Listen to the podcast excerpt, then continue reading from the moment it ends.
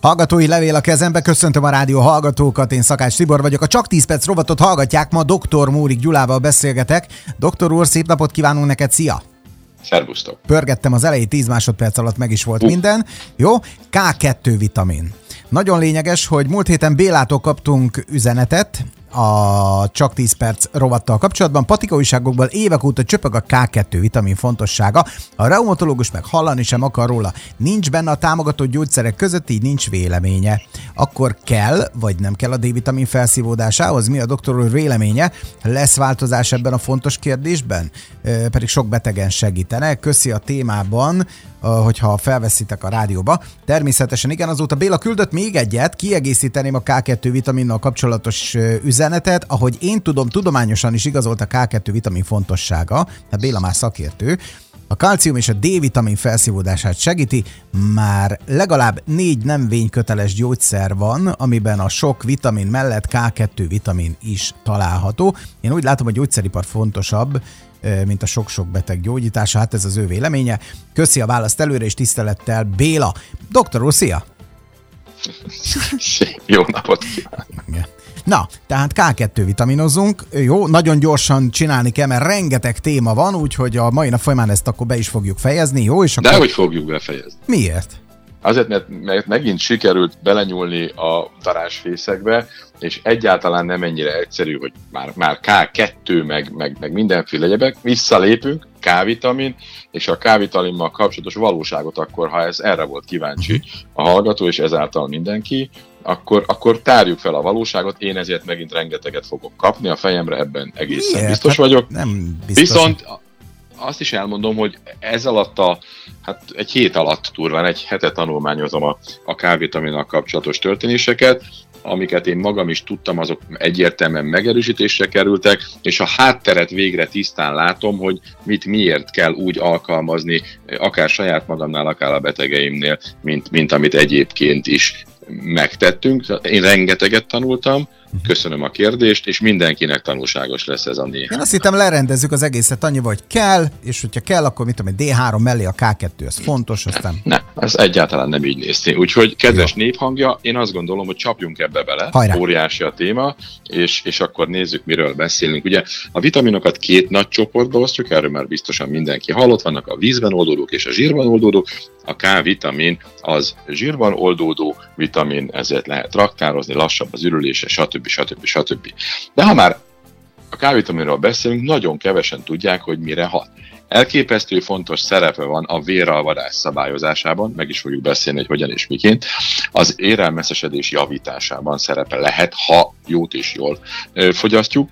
A csontritkulás javításában szerepe lehet, tumorok elleni küzdelemben, tumorok megelőzésében, tumorok gyógyításában nagyon komoly hatása van a szív- és érrendszerre, és nagymértékben képes jó adagolás és jó választás mellett csökkenteni az általános halálozási mutatókat. Hm? Csak oda tetted, hogyha jól van kiválasztva és jól van adagolva. Persze, mert hogy erről senki nem beszél. Ez egy tabu téma leginkább azért, mert ugye te is k 2 itt folyamatosan a műsor első pillanatától kezdve, hát hogy ez van a köztudatban. K2, K2, K2, a fogalma sincs az embereknek mitől egy, mitől kettő, akár mitől három, mert olyan is van, de nagyon lényeges, hogy ezek abszolút módon mást és más hogyan csinálnak.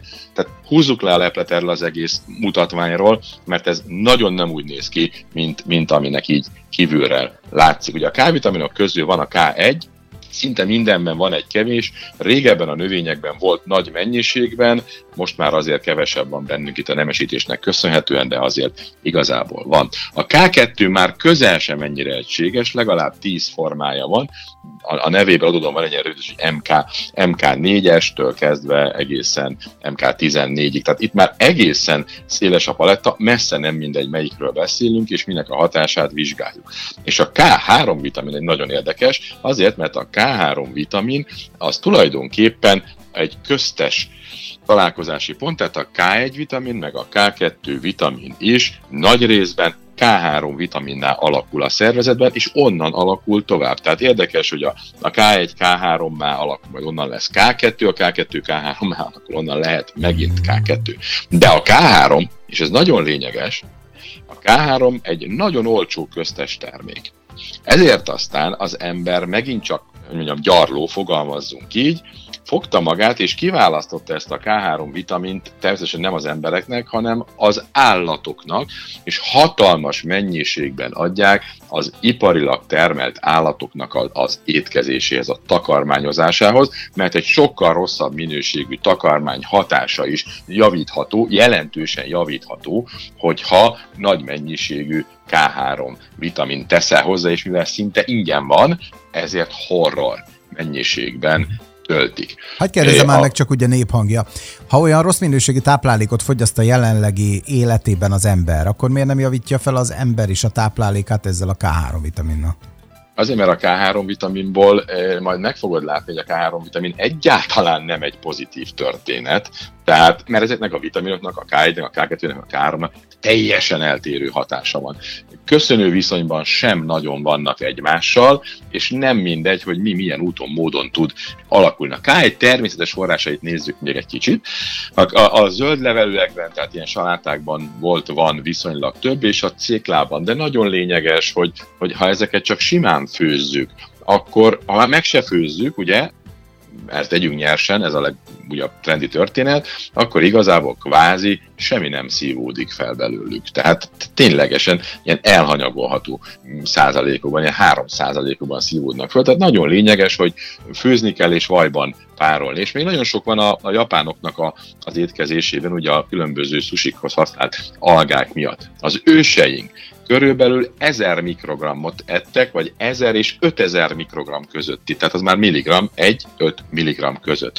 Ma már itt tulajdonképpen a növénynemesítéseknek köszönhetően a a különböző ételek K-vitamin, K1 vitamin tartalma az nagy mértékben csökkent. Ahhoz hasonlóan, mint hogy a, most találtam egy kutatást véletlenül ezzel párhuzamosan, hogy keresgettem, tippelj száz év alatt az alma C-vitamin tartalma mennyit csökkent, csak egy érdekesség. Mondjuk az ezered részére. E, hát, vagy század részére, igen. Bocsánat. Tehát e, század részére csökkent. Azért az borzalmas. Az borzalmas, hogy egy százada van e, a C-vitamin tartalom, ami mondjuk volt száz évvel ezelőtt.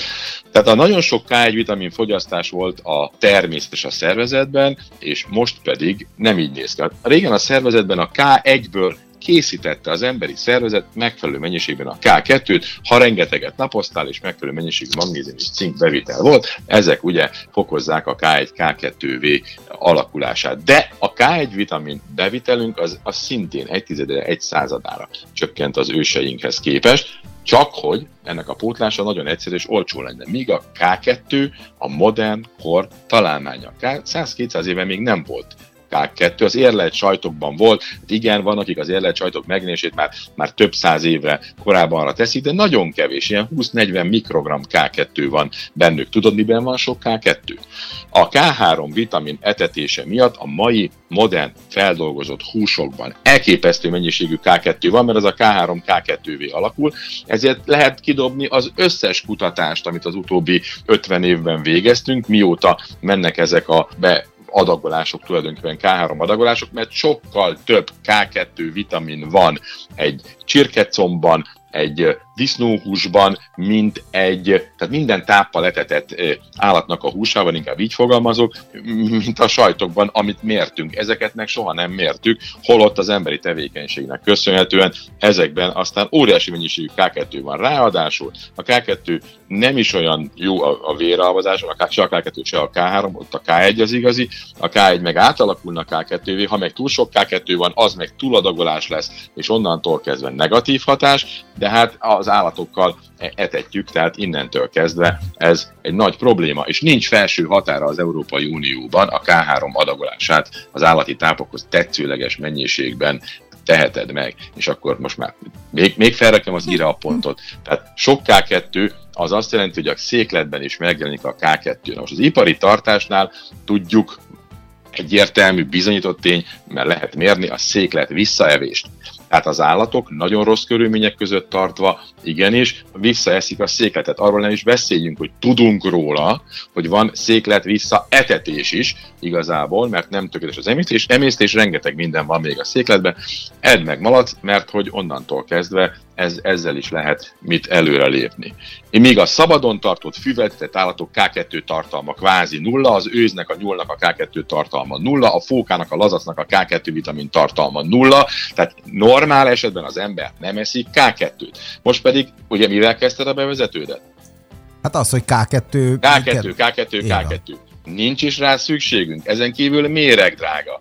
Következmény, ugye a K2-t nyomjuk, mert az nagyon drága, mert azon profit realizálható. Csak hogy egyáltalán nem így néz ki a valóság, de erről majd beszéljünk holnap. Igen, mert hogy ilyenkor szoktuk azt mondani, hogy mára ennyi fért bele, és majd holnap megint csak visszavárjuk önöket. Folytassuk ezt a K-vitamint, mert engem most ez így kezdett most már sokkal jobban érdekelni. Én azt hittem, hogy ezt egy pár kérdéssel válaszsal le fogjuk tudni, mm-hmm. de akkor ezek szerint nem. Doktor úr, köszönjük szépen, holnap találkozunk. Szép napot neked, szia! Szép napot, szervusztok!